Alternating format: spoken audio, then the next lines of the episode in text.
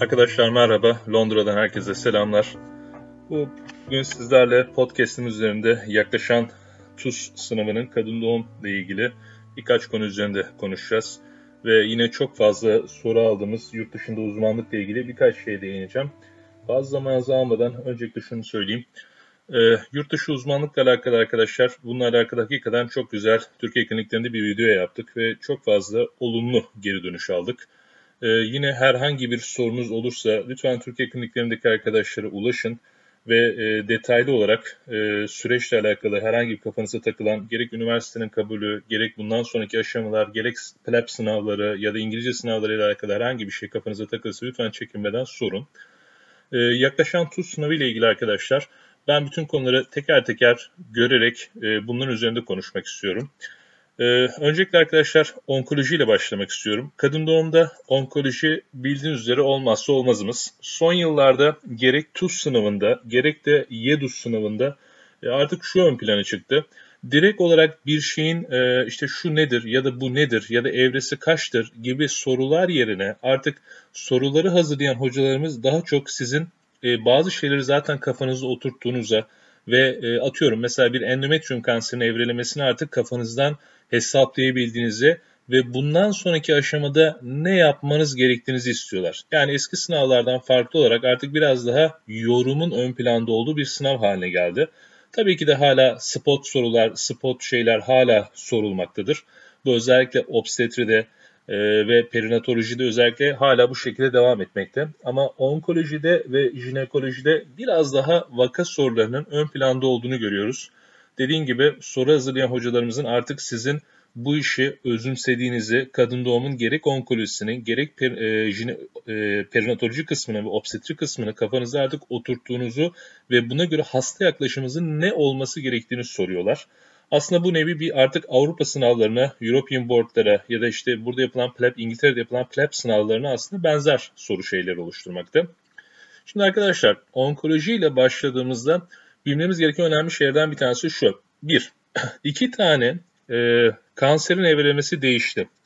Ve bir şey değişmişse o banko sorudur arkadaşlar. Mutlaka ya size çıkacaktır ya bir sonrasına çıkacaktır. Ama mutlaka mutlaka çıkacaktır arkadaşlar. Sizden ricam e, yeni e, slaytlarımıza da bunu ekledik, belirttik. E, özellikle vulva kanserinin evrelemesinin değiştiğine lütfen dikkat edelim arkadaşlar. Soru potansiyeli taşıyan yerlerden bir tanesidir. Vulva kanserinin evrelemesi. Bir diğer arkadaşlar cervix kanserinin evrelemesi. cervix kanserinin evrelemesi de değişti. Özellikle arkadaşlar cervix kanserinin evrelemesini son yan dalda sordular. Bu yakın bir gelecekte ya bu sınavda ya da bir sonraki sınavda TUS'ta da geleceği anlamına geliyor. Özellikle servis kanserinde artık pelvik ve para aortik lenf nodlarının tutumunun 3C1, 3C2 olarak değiştiğini lütfen çok dikkat edelim arkadaşlar. Bizim için önemli. Bunun dışında genel olarak yine kanserlere baktığımızda e, kadın doğumda en çok özellikle sorulması sevilen kanserler servis kanseri, over kanseri ve endometrium kanserinin evrenimizi sıklıkla sorulmakta.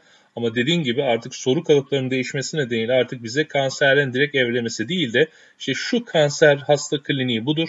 Siz evlemeyi yaptınız. Bundan sonra bu hastaya hangi basamakta ne yapalım? Cerrahi evlemeyi mi yapalım? Radyoterapi mi verelim? Kemoterapi mi verelim? Yoksa hastaya başka bir tedavi verelim? Hiçbir şey yapmadan mı izleyelim? Tarzında sorular çok geliyor. Yine özellikle kanserlerle devam ettiğimizde onkolojide arkadaşlar sarkomlar son yıllarda çok popüler oldu. Hem yan dalda hem de TUS sınavında defalarca kez bununla ilgili soru sordular. Sizden lütfen dikkat etmemizi istediğim şeylerden bir tanesi özellikle vaka sorusu olarak size bunu sorabilirler. Yani hastanın işte şöyle bir miyomu vardı, hastanın miyomektomi yapıldı ya da hastaya histerektomi yapıldı ama hastanın nihai patolojisi leimiosarkom olarak geldi ya da karsinosarkom olarak geldi. Bundan sonra ne yapacağız? Bu bizim için çok önemli arkadaşlar. Hangisinde evreleme cerrahisi yapacak mıyız? Ya da hangisinde histerektomi yaptık, hastayı artık öyle mi bırakacağız? Bunları detaylı olarak zaten derslerimizde konuştuk. O yüzden dikkat edelim arkadaşlar. Yine son yıllarda özellikle kanser konusunda gestasyonel trofoblastik hastalıkların hemen hemen her iki yan dalda bir sordular. TUS'ta nispeten daha az soruyorlar ama yan dalda maalesef ki iki yan dalda bir mutlaka soruyorlar arkadaşlar. GTN'lerde özellikle skorlama sistemine çok dikkat edin arkadaşlar. Skorlamayı ezberlemek çok zor farkındayım ama en azından o skorlama sisteminde en yüksek skoru neyin aldığına lütfen dikkat edin. neyin metastazı, neyin kaç tane lenf nodu tutumu olduğu, GTN skorlamasını detaylı olarak size konuşmuştuk. Gestasyon trofoblastik neoplazilerin. Lütfen o tabloda en yüksek skorlamaların ne olduğunu lütfen çok dikkat edin arkadaşlar. Özet olarak toparlarsam onkolojide iki tane evremiz değişti dedim. Bunlardan bir tanesi vulva kanseri, diğeri ise servis kanseri. Lütfen dikkat edin. Değişen şeyler sorulmaya mutlaka müsaittir. Bir diğer arkadaşlar özellikle bize sarkomlardaki evrelemeyi sorabilirler. Bizim için önemli ve gestasyon trofoblastik hastalıkların da özellikle skorlamada en yüksek skoru alan şeylerinin e, neler olduğunu lütfen çok dikkat edin arkadaşlar. Şimdi bir diğer konumuza geldiğimizde endokrinoloji ve infertilite. Arkadaşlar endokrinoloji infertiliteden soru e, olarak gittiğimizde bir, amenorya sınıflamasını çok seviyorlar arkadaşlar. Özellikle bize hep bunu vaka takdim olarak veriyorlar. Hasta 17 yaşında işte annesi e, herhangi bir e, kanaması olmaması nedeniyle hastayı ya da kızını polikliniğe getiriyor. İşte yapılan tetkiklerde FSH şu bulunuyor, FSH yüksek bulunuyor, FSH düşük bulunuyor. Bizim için bir, mutlaka FSH'ın normal range'ini 5 ile 20 arasında olduğunu bilmemiz gerekiyor. Olmazsa olmazımız. Arkasından bu hasta eğer primer bir amenorya ise hipogonadotropik mi yani FSH'ı 5'in altında mı yoksa hipergonadotropik mi yani FSH'ı 20'nin üzerinde mi oldu mu diye mutlaka ayrımını yapmamız lazım. Bu olmazsa olmazımız. Çünkü arkadaşlar bütün amenorya sorularında bu primer ayrımı yaptığınız zaman da yani hiper mi hipo mu diye yaptığınız zaman zaten sorunun büyük bir kısmını çözmüş oluyorsunuz. Sekonder amino nedenleri pek fazla sormuyorlar ama primer amino nedenleri içerisinde çok fazla derslerimizde detaylı olarak anlattık. Lütfen hangilerinin hiper, hangilerinin hip olduğunu tekrar tekrar önemsiyoruz arkadaşlar. Bir diğeri bize aminolerde eğer soru soracaklarsa bunlardan bir tanesi de arkadaşlar özellikle sendromlar. Bu sendromlar hatırlarsanız işte Cushing sendromu, Kalman sendromu, e, Müller genezler, Rokitansky-Ustav-Hausser, Mayer sendromları gibi sendromlar çok fazla gelen sorulardan bir tanesi. Bunların hep sizlerle kilit noktalarını söylemiştik. Birbirinden farklarını çok dikkat edelim demiştik. Hangisinde meme gelişiminin olduğunu, hangisinde seksüel gelişiminin olduğunu, hangisinde kıllanma olmadığını aslında bize hep soruda bunları verecekler arkadaşlar. Bizim için olmazsa olmaz. Zaten soruyu okuduğumuzda mutlaka bir vaka sorusu olarak bize bunu verirler. Kıllanma var ya da yok. Meme gelişimi yani sekonder seks karakteri var ya da yok. Bunları derste detaylı olarak anlattık. Lütfen sorulardaki bu kilit kulu cümleleri, ipucu cümleleri dikkat ederek devam edin arkadaşlar. Hirsutizm konusunda bize soracakları temel soru şu arkadaşlar. Hirsutizmde bize olmazsa olmaz soracakları şey ilaçları soracaklar. Ve ilaçlarla alakalı bir tablo yapmıştık. Lütfen hatırlayın dersimizde. Androjen reseptörü blokajı yapanlar, overde salgıyı inhibe edenler, adrenalde salgıyı inhibe edenler, hem overde hem adrenalde salgıyı inhibe edenler ya da 5 şafer reduktaz inhibitörleri. Biraz farmakoloji sorusu gibi gelecek size belki arkadaşlar ama bu soru ya kadın doğumdan gelir ya farmadan gelir. Lütfen o tabloyu bir kez daha bakın arkadaşlar. Bizim için önemli. Tekrar söylüyorum. Her sınavın olmazsa olmazı endokrinden gelen soru mutlaka kontrasepsiyon arkadaşlar. Kontrasepsiyonla alakalı baktığımızda ya bize bir doğum kontrol ilacının yan etkisini ya doğum kontrol ilacının hangi ilaçlarla etkileşime girdiğini, hangi ilaçların etkileşimini arttırdığını, hangi ilaçların etkileşimini azalttığını mutlaka bilmemiz gerekiyor. Ya da hem yan dalda hem de TUS'ta defalarca kez sorgulanan oral kontraseptiflerin hangi durumlarda kontraindike olduğunu çok ama çok iyi bilmemiz gerekiyor arkadaşlar. Çünkü bunu defalarca kez sordular. Burada soracakları temel soru özellikle kontrasepsiyonda oral kontraseptifler başta olmak üzere bunun dışında depo provera, implantları çok rahat çıkartabilirsiniz. Çünkü bunların mantritesini defalarca kez derste anlattık. Ama OKS'li lütfen arkadaşlar endikasyon, kontraindikasyon, ilaç etkileşimlerini çok iyi bilmenizi öneriyorum arkadaşlar. Polikistik over hastalığına baktığımızda polikistik over hastalığının sıklıkta sınavlarda hep bir genel özelliğini sordular. Ya laboratuvarda işte E1-E2 oranının yüksek düşük olmasını, ya hastalarda e, tirozin fosforilasyon, serum fosforilasyonun hangisinin artıp azaldığını, ya da polikistik over hastalarında sıklıkla sordukları soru uzun dönem ve kısa dönem etkileri oldu arkadaşlar. Polikistik over e, sendromunu rahatlıkla yapacağınıza eminim arkadaşlar. Bundan yine bir sıkıntı olacağını düşünmüyorum. Bir diğer konumuz jinekolojiye baktığımızda arkadaşlar. Anatomi evet zor ama genel olarak anatomi aslında TUS'un e, biraz kaçılan bir bölümü. Ama kadın doğumun anatomisi bence biraz daha zevkli arkadaşlar. Çünkü pelvik anatomide sınırlısınız. Bizim için en azından şunu bilmenizi öneririm arkadaşlar anatomiyle alakalı. Lütfen pelvis çaplarını bilin. Jinekoid pelvis, android pelvis, antropoid pelvis ve platypelloid pelvis hangisinin uygun, hangisinin doğum uygun olmadığını, hangisinde düz duruş, hangisinde transvers duruş olduğunu lütfen çok iyi bilin arkadaşlar. Bir diğer anatomi ile ilgili olmazsa olmazınız arkadaşlar mutlaka mutlaka internal ilyakın yani hipogastrik arterin lütfen dallarını çok iyi bilin arkadaşlar. Bu size hem anatomide de soru çözdürtür hem de kadın doğumun anatomisinde de soru çözdürtür. En azından ben bir şey çalışmak istiyorum. Hani ne yapalım dediğiniz anda benim size tavsiyem en azından kadın doğum anatomisiyle alakalı bu olabilir arkadaşlar. İntihar ilyak arterin dalları son derece önemli. Ee, bunun dışında arkadaşlar özellikle endometriyal hiperplaziler konusuna baktığımızda endometriyal hiperplazilerde geçen yan dalda sorular biliyorsunuz ki özellikle atipili ve atipisler bizim için çok önemli. Eğer bir soruda size atipi veriyorsa ve kadının yaşı ileri bir yazsa lütfen fertility isteği olup olmadığını çok dikkat edin soruda. Fertility isteği olmayan atipi gördüğünüz anda lütfen arkadaşlar yapıştırın histerektomiyi. Kaçmayın bundan. İleri yaşlı özellikle bahsediyorum. Lütfen aklınızda kalsın. Bizim için önemli arkadaşlar. Ektopik gebelikle alakalı bize vaka sorusu verebilirler. Hastanın kan değerleri bu, laboratuvarı bu. Hastada ne düşünüyorsunuz? Bunu defalarca kez zaten derslerde anlattık. Endometrioz ile arkadaşlar, endometriozla baktığımızda endometrioz maalesef ters köşe yapan yerlerden bir tanesi. Ben hep şunu söylemiştimdir. Hem TUS'ta hem yan dalda bir soru yapılmayacaksa o soru endometrioz sorusudur. Çünkü arkadaşlar endometrioz yeniliğe çok açık olan bir konu. Her yıl, her ay hatta yeni makale çıkıyor ve bu makaleler her defasında textbooklarda yer alıyor. Size interleukin düzeyinde dahi soru sorabilir bambaşka bir şekilde teorik bilgi yani işte Samson teorisi, Mayer teorisi tarzı sorular sorabilir. Ama benim size tavsiyem endometrioz en azından neyi bilelim dediğinizde lütfen endometriozun risk faktörlerini ve koruyucu faktörleri en azından çok ama çok iyi bilin. Bunu bir tablo haline getirmiştik ve bu bizim tablomuzda zaten söz konusuydu arkadaşlar. En azından bunu bilin. Vajinal enfeksiyonlarda arkadaşlar, vajinal enfeksiyona sıklıkla antibiyotik soruyorlar. Hastanın şöyle bir kliniği var. İşte biz hastamızda laboratuvar öncemizde bunu gördük ya da işte şu testi yaptık. Bundan sonra tedavide ne verelim tarzında. Ya da arkadaşlar size çok klasik olarak bir pelvik inflamatuar hastalık yani bir PID tablosu veriyorlar. Biz PID'si yine detaylı olarak anlatmıştık. Hastanın kliniğinde ne oluyor? Ateşi, semptomları, lökoresi vesaire oluyor mu? Ve buna göre hastaya hangi tedavi başlayalım diye bunları zaten derslerimizde defalarca kez anlattık arkadaşlar. Ürojin ve pelvik relaksasyon Allah'tan çok fazla soru gelmeyen bir yer. Yan dalda çok sorgulamayı seviyorlar ama TUS tabi nispeten biraz daha az sorguluyor arkadaşlar. Olmazsa olmazımız bunu anatomide de söylemiştik. Özellikle Delancey sınıflamasını çok iyi bilelim. Çünkü Delancey birkaç defa yan dalda sorular. Henüz daha TUS'ta bu kadar detaya girmediler.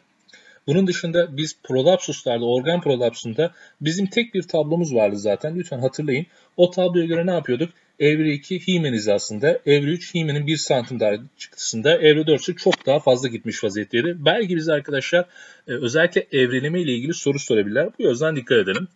Ve son olarak arkadaşlar jinekolojide miyomoteri bence her sınavda zaten olmazsa olmaz. Çünkü kadın doğumun en sık görülen e, yapısı ve aynı zamanda TUS'un olmazsa olmazı arkadaşlar. Miyomla ilgili arkadaşlar sıklıkla bize şunu soruyorlar. Hastanın kliniğini belirtiyorlar ve bundan sonraki aşamada hastaya ne yapalım ya da bu hastada hangi tip dejenerasyon olabilir? Özellikle bu dejenerasyon tiplerine çok dikkat edin demiştim arkadaşlar. Ve yine miyomdan koruyucu faktörler, miyom için risk faktörleri dikkat ederseniz arkadaşlar bu endometriozda de böyle, miyomda da böyle soru olmaya, soru sorulmaya aday yerler. Unutmamamız gereken yerler arkadaşlar. Obstetriye geldiğimizde arkadaşlar, obstetriye ile alakalı bizim için önemli yerlerden bir tanesi bu özellikle arkadaşlar abort konusu. Çok soru alınıyor. Her sınavda hemen hemen soruluyor. Abort konusuna takmış vaziyetteler. Lütfen bir dikkat ederseniz arkadaşlar zaten TUS sınavında ve yan dal sınavında soru ağırlığı yüksek olan şeyler aslında bizim kendi klinik günlük pratiğimizde sık karşılaştığımız şeyler. Bu adamların bu kadar çok abort sorma nedeni de zaten klinik pratikte çok sık karşılaşılması. O yüzden AFAS'ı, antifosfolit sendromu, SL sistemik lupus eritematozu özellikle arkadaşlar abort yapan nedenleri çok iyi bilelim. Zaten hepsinde çok kilit cümleler var. Siz hastanın bir kliniğini verdiğinde zaten hastaya ne veriyorlar? İşte hastanın anası pozitif ya da anti başka bir antikorları pozitif, SL antikorları pozitif. Size mutlaka bir kilit bir şey veriyorlar. Ama lütfen özellikle aşkı abort konusunda çok dikkat etmenizi öneriyorum. Bizim için önemli arkadaşlar. IUCR konusu bu kadar arkadaşlar IUCR konusunda çok fazla zaten soru soramıyorlar. Çünkü IUCR konusu biraz e, yorumu açık bir konu. İtiraz demesi gündemde olan bir konu. Yani fetal e, gelişim geriliği. O yüzden buradan genelde kaçıyorlar. Ama bizim için en sevdikleri yer ve bize en çok sormayı sevdikleri arkadaşlar doğumun evreleri. Kesinlikle arkadaşlar doğumun evrelerini teker teker size anlattık. Her bir aşamada geçtiği yapıları teker teker söyledik. Sizden ricam lütfen lütfen arkadaşlar. Ya ben Offset'ten 2-3 konu bileyim yeter diyorsanız bunlardan bir tanesi mutlaka doğumun evreleri olsun arkadaşlar. Soru sorulmaya aday yerlerden bir tanesi. Bir diğeri bizim için yine çok önemli ve soru değeri çok ama çok yüksek olan yerlerden bir tanesi fetal iyilik hali. Fetal iyilik haline kastım arkadaşlar bir NST, ikincisi ultrason. Bize arkadaşlar ne yapabiliyorlar? NST yorumlatabiliyorlar. Bir erken deselerasyon NST'si verip size bundan sonra hastaya ne yapmamız gerekiyor? Ya da bir değişken ya da bir variable deselerasyon verip bundan sonra hastaya ne yapmamız gerekiyor diye sorabiliyorlar. NST derslerinde bunu teker teker anlattık arkadaşlar. Yine aynı keza Doppler bizim fetal gelişimle ilgili özellikle ultrasonda baktığımız umbilikal arter Doppler'i, middle cerebral arter Doppler'ini ve bunların kullanım alanları cerebroplacental ratio yani CPR e, oranı bizim olmazsa olmazımız. Ben hep şunu söylüyorum. Ya ben offset'ten abi 2-3 konu bileyim ne olur derseniz bunlardan bir tanesi kesinlikle kesinlikle fetal gelişim yani fetal ilik, özür dilerim fetal ilik tespiti. Bir diğerisi mutlaka arkadaşlar doğumdur. Doğumun sistemi çok çok çok iyi bilmemiz gerekiyor. Gebelik ve sistemik hastalıklar derya deniz bir konu. Farkındayım. Bundan çünkü çok fazla soru alıyorum. İşte her birini teker teker nasıl ezberleyeceğim? Gebelik ve dermatolojik hastalıklar, gebelik ve gastrointestin hastalıklar, gebelik ve şu hastalıklar gibi. %100 katılıyorum arkadaşlar. O yüzden ben size slaytları hazırlarken çok basic noktaları söylemeye çalıştım. Ama abi yine ben burada bir konuyu bileyim o kadar çok zamanım yok. Kadın doğum zaten çok fazla zaman ayıramıyorum diyorsanız benim size burada gebelik ve sistemik hastalıkta iki şey bilmenizi isterim. Bunlardan bir tanesi gebelik ve hipertansiyon, diğeri ise gebelik ve diyabet arkadaşlar. Çünkü günlük klinik pratiğimizde en çok karşılaştığımız bu iki hastalık gebelik ve hipertansiyon, gebelik ve diyabet. Ha abi bir şey daha bilebilirim derseniz o zaman mutlaka nörolojik hastalıklara bakın arkadaşlar. Son yan dallarda artık inanılmaz şekilde nörolojik hastalıklardan soru sorulmaya başladı. Tavsiyem arkadaşlar bu olur size. Kanamalarla alakalı arkadaşlar yine obstetri ve perinatoloji bölümünde baktığımız kanamalarla alakalı postpartum kanamalar bizim için değerli ve önemli. Çünkü postpartum kanamalarda bize yine vaka sorusu olarak takdim edilebiliyor. Hastanın böyle bir e, doğum sonrasında kanama öyküsü var. Etiyoloji ne olabilir? Özellikle bunları size teker teker derste anlatmıştık. Bunlar bir laserasyon olabilir, koagülasyon faktör bozuklukları olabilir, atoni olabilir arkadaşlar. Özellikle uterin atoni soru sorulmaya çok aday. Çünkü klinik pratiğimizde çok sık rastladığımız ve e, hocalarımızın bir pratisyen hekim TUS'undan bağımsız olarak herhangi bir X devlet hastanesine gittiğinde mutlaka atonik konusunu çok iyi bilmesi gerekiyor dediği için atonik konusu soru sorulmaya aday ayarlardan bir tanesi arkadaşlar. Bu yüzden özellikle tavsiye ederim. Genel olarak arkadaşlar baktığımızda kadın doğumda çıkan sorular dağılım şu ana kadar hep eşit gidiyor. Yani endokrinoloji, obstetrik, onkoloji ve aynı zamanda jinekoloji ile alakalı. Ee, evet soru sayısı biraz az, konu çok. Bunu %100 katılıyorum. Ama ben hep şunu söylüyorum arkadaşlar. Kadın doğum sorularını hazırlayan hocalar hep günlük klinik pratikte sıklıkla neyle karşılaşabilirsiniz? Ön planda olan nedir tarzında sorular sormaya çalışıyorlar. Size gebelik ve bilmem ne hastalıklarındaki şu geninin bilmem neyi sormuyorlar. Ağırlık bunu sormaya çalıştıkları için e, bu konuda rahat olun arkadaşlar. Kendi üniversitelerinizde gördüğünüz kadın doğum pratiğindeki stajlarınız çok ama çok işe yarayacak. Bizim zaten derslerimizi dinlediğiniz için fazlasıyla işe yarayacak arkadaşlar. Eksi hiçbir şeye bakmanıza gerek yok bu derslerin dışında. Bu konuda son derece rahat olun. Ee, çok fazla soru geldiği için arkadaşlar TUS'un dışında e, yurt dışı ile alakalı sadece şunu söyleyebilirim. Şu an İngiltere'deyim ben ve buradan yayın yapıyorum size. Ee, İngiltere'deki doktorların durumu da Türkiye'deki doktorlar gibi hakikaten burada da yoğun bir çalışma temposu var, yoğun bir iş hayatı var. Ee, eğer benim hani kafamdaki şey tamamıyla yurt dışı diyen arkadaşlar için konuşuyorum. Her ne kadar TUS arifesinde olsak da e, burası için de arkadaşlar çok ciddi bir emek sarf etmeniz gerekiyor. Lütfen bunu şöyle düşünmeyin. Ya nasıl olsa TUS'ta çalışmam. E, olmadı İngiltere'ye çalışıyorum. Olmadı Almanya'ya çalışıyorum. Lütfen böyle bir mantaliteniz olmasın. Emin olun arkadaşlar TUS'ta çalıştığınızdan çok daha fazla belki de çalışacaksınız. Çünkü buradaki sistem de ağır bir sistem. E, bununla alakalı zaten A'dan Z'ye bütün her şeyi videolarımızda, sorularda vesaire falan söylemiştik. Ee, dediğim gibi arkadaşlar yurt dışı işin arkadaşlar için lütfen e, kolay olmadığını, TUS'tan belki de çok daha fazla çalışmaları gerektiğini unutmamalarını sadece söylüyorum. Şimdiden yaklaşan TUS sınavı öncesinde tüm hekim arkadaşlarımıza başarılar diliyorum. Her şeyin gönlünüzce olması dileğiyle. Görüşmek dileğiyle.